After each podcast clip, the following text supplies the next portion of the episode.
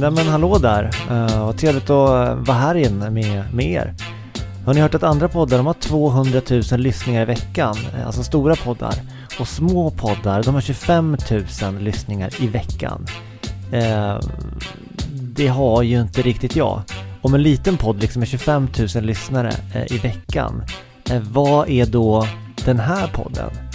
Eh, den existerar ju knappt i sådana mått mätt. Det blir som att titta i ett mikroskop liksom. Det känns svinlöjligt. Och så en elefant utanför liksom mikroskopet och bara garvar. Ja, jag började såklart fundera då på min framtid här inom poddosfären. Ja, men vad är egentligen jag bra på om inte jag har sådär många lyssnare? Det här är ingen elefantpodd. Jag kanske inte är bra på podd, det är kanske det jag får komma fram till. Min främsta styrka, det kanske egentligen är att vara så här äh, obetydlig. Jag finns, men jag är obetydlig. Det kan man i alla fall lugnt säga eh, att jag är när det kommer till lyssnarstatistik. Eh, där briljerar jag ju på att vara obetydlig. Så det kan jag ändå vara stolt för. Kanske blir du förvånad eh, att, att jag är så bra på att vara obetydlig, men, men så behöver jag alltså inte vara. Den här obetydligheten har ju paradoxalt nog betytt otroligt mycket för mig i min personlighetsutveckling. Eh, man lär sig ju mycket genom att vara obetydlig när man är nere i det där mikroskopet för att kunna liksom mucka med elefanten utanför. Så jag funderar på hur ska man få mer lyssnare? Det har jag pratat om förut. Och nu har jag börjat tänka på att kanske måste jag liksom bli mer modern liksom och börja jobba mer på varumärket, den kreativa sektorn eller mitt namn för den delen.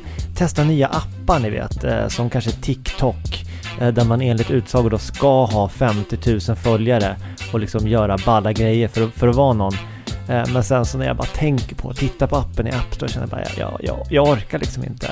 Eh, eh, jag tror inte att den där appen är för 35-åriga wannabes liksom. Jag tänker att om du dyker in en man i 35-årsåldern på TikTok, då måste det nästan gå något larm någonstans. Det är ju liksom bara barn där. Eh, nej, så jag struntar i det. Jag har liksom, jag har kommit tillfreds med att min senaste och liksom antagligen sista så här moderna app, eller vad man ska säga, det var nog Snapchat. Och det var också i den appen som jag liksom uh, förstod på något sätt att jag var slut som artist inom en appvärld liksom. Eh, den enda som snappade mig, det var och är också sorgligt nog eh, Team Snapchat. De, de, de är lojala med mig, alltså de, de ger inte upp på mig. Eh, men alla andra, inklusive jag själv, har tappat, hopp, har tappat hoppet i den här appen Snapchat. Jag, jag har gett upp. Men goda nyheter. I poddvärlden, här tänker jag inte ge upp. Liksom det här, det här brandtalet, eller kanske inte var ett brandtal, men det var någon slags tal. Hur som helst, så önskar jag dig som lyssnare varmt välkommen till en hypermodern podd som inte är som alla andra. Den här podden är inte en och en halv timme. Den här podden består inte av en kändisduo. Den här podden, den är totalt okänd med en ännu mer okänd skapare, nämligen jag. Och jag tror att det är till den kreativa sektorn och det här rummet i Blackeberg där jag sitter och spelar in nu som de kommer att hitta i slutet av Star Trek när de liksom har utforskat hela galaxen, hela Final Frontier liksom. Och det kommer vara väl värt väntan när, när de kommer till mig i sitt eh, Enterprise-skepp liksom, det tror jag. Eh, de bara såhär wow, this was a cool little creative sector. Jag bara yes, welcome, have a coffee with me Spock, it would be very pleasant. Uh, ja, lång, lång, långt intro, uh, men hur som helst. Uh, med detta så vill jag ju då önska er varmt välkomna till avsnitt 22. Och som ni vet nu med den här podden så det kan vara högt och lågt. För det här är den kreativa sektorn och bara ut med ett avsnitt i veckan. Hur som helst, avsnitt 22 som jag har valt att döpa till Goda råd och förråd. Varmt välkomna!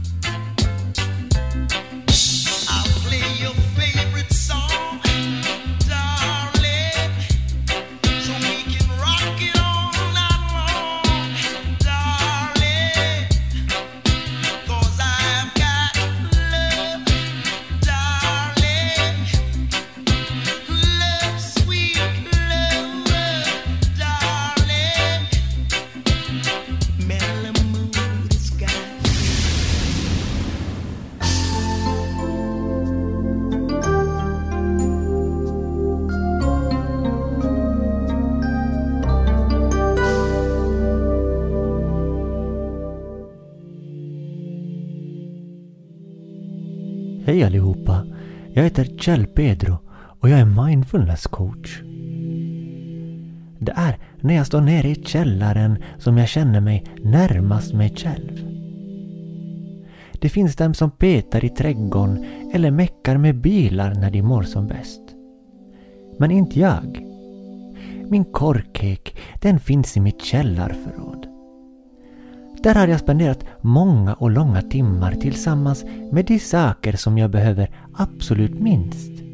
Men av någon anledning ändå har valt att spara och sortera i ett oräkneligt antal timmar. Här nere i mitt källarförråd har jag en perfekt ordning som jag omöjligtvis kan replikera uppe i min lägenhet. Här får jag nämligen inte några oplanerade besök av något slag. Tvärtom måste varje låda, artikel eller vintersko passera genom en gränskontroll där det är jag som bestämmer vad som kommer in och vad som kommer ut. Det är ett system som fungerar. Det vet jag eftersom jag ser resultatet precis framför mig. Men det är inte bara för mig själv som jag sorterar alla de prylar jag samlat på mig genom livet. Det är även för eventuella besökare jag har lagt tid på detta.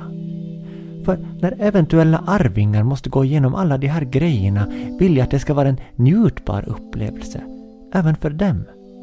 De ska kunna titta på en låda, läsa vad det står på, sen se att det var just det som var där i. Och med den lilla gesten tänker jag att eventuella konflikter eller gamla groll som de kan ha mot mig när jag är borta ska blåsa över när de då istället tänker han hade i alla fall en väldigt fin ordning i förråden. Och så blir de alldeles varma inombords och skrattar och har det bra. Utöver det tycker jag det finns en poäng att märka lådorna noggrant med vad de innehåller. För den dagen det kommer inbrottstjuvar så förenklar jag processen även för dem.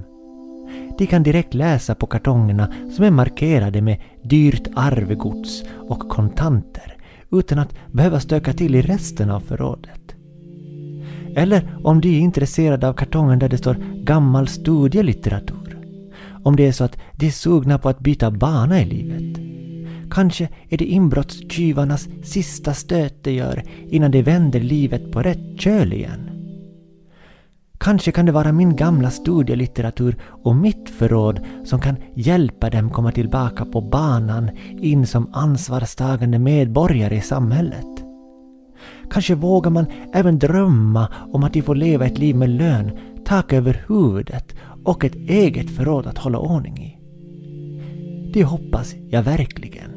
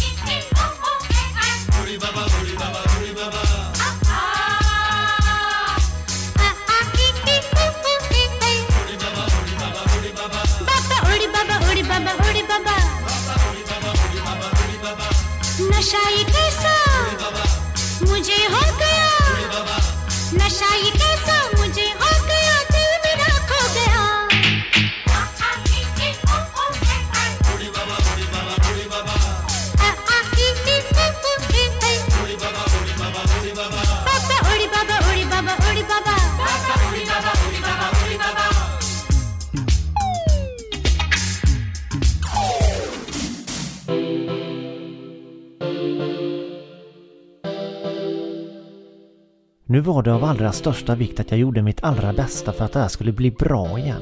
Fick jag inte till det här på ett bra sätt skulle jag inte få något lördagsgodis och inte heller skulle jag få någon varm mat till middag. Oavsett vad jag gjorde skulle jag skämmas. Så var det sagt. Jag hade tidigare under dagen påbörjat ett upptåg som absolut inte var uppskattat av mina föräldrar. Ett våghalsigt uppdrag som hade resulterat i ett kaos som det nu var oklart om jag någonsin skulle bli förlåten för. Jag hade nämligen gjort det dumdristiga att leta efter min supersoaker i källarförrådet utan att fråga om lov först.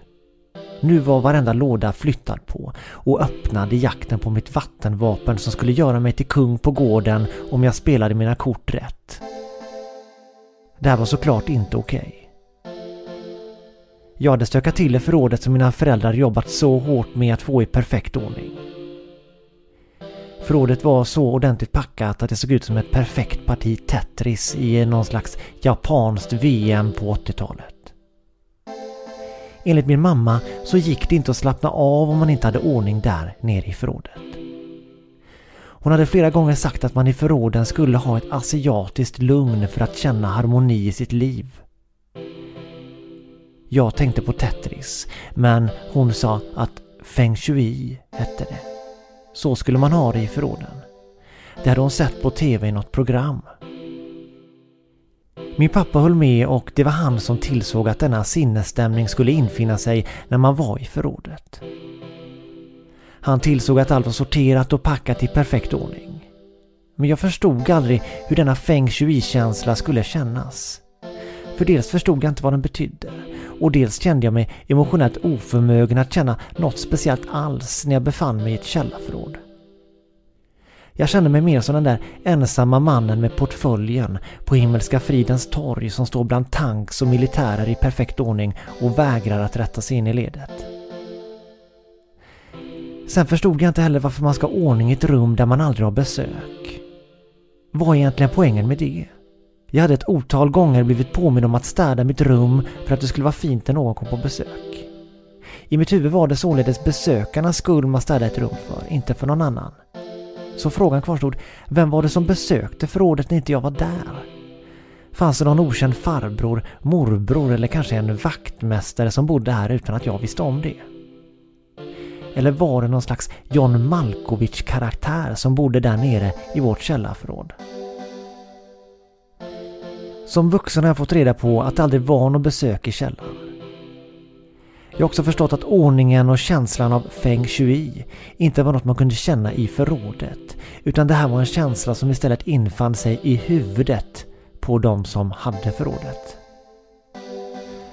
Således var det alltså inte ett intrång jag gjort i förrådet i jakten på den där supersoken, utan det var ett intrång i mina föräldrars huvuden och deras tillhörande förrådsintegritet. Det var oförlåtligt. Jag heter Sune Wemson och jag kämpar på.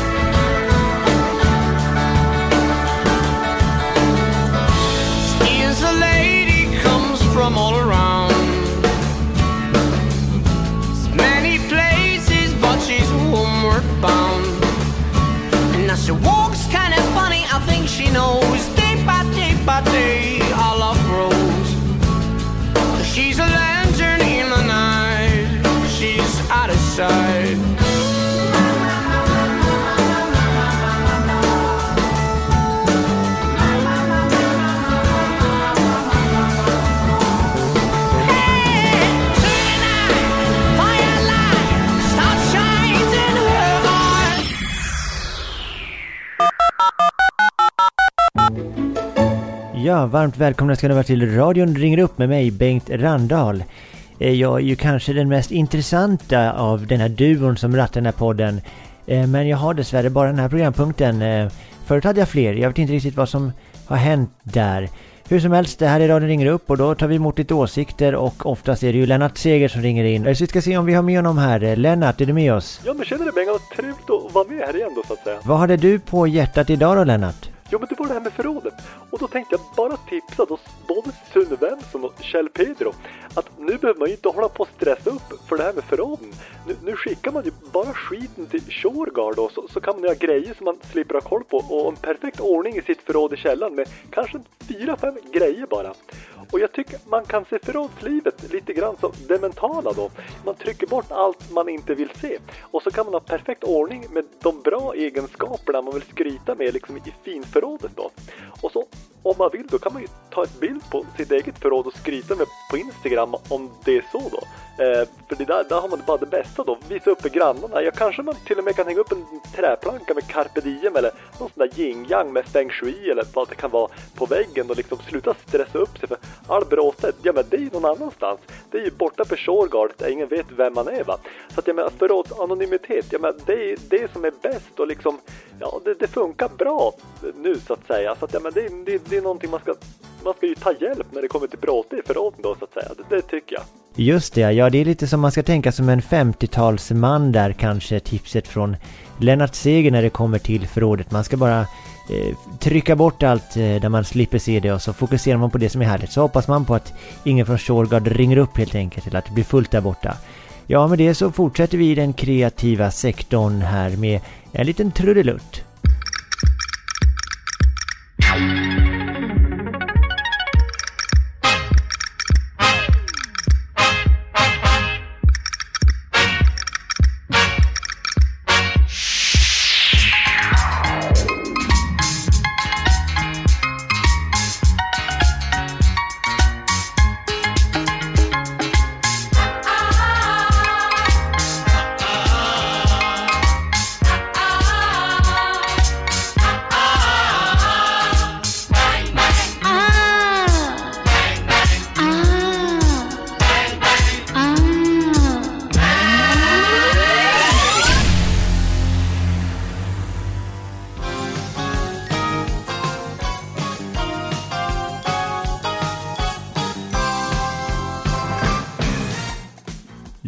Eh, tjena allihopa, det är jag som är eh, Sonny Jäger. Eh, ja, kanske inte behöver introducera mig då jag utgår från att ja, ni vet vem jag är vid det här laget. Då.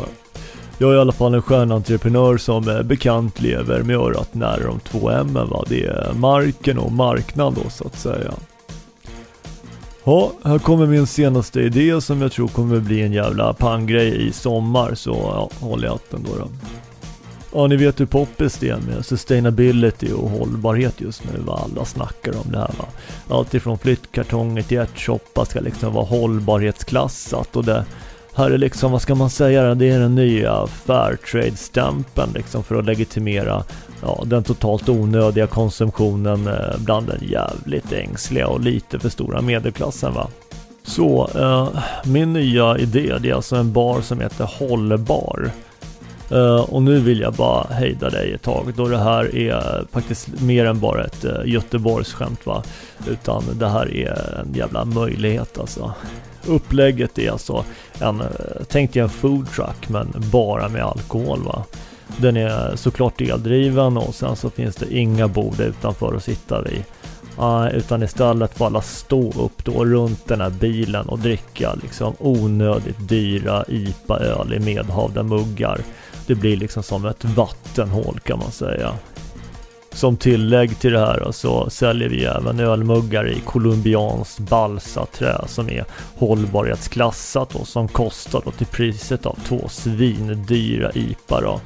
Dels är det för att sända ett budskap likt plastpåseskatten, alltså att det måste kosta lite va. Men även för att skapa ett mervärde då eh, och en trendsättning inom dyra engångsmuggar som är hållbarhetsklassade och sådana här grejer älskar ju folk som köper dyra öl va.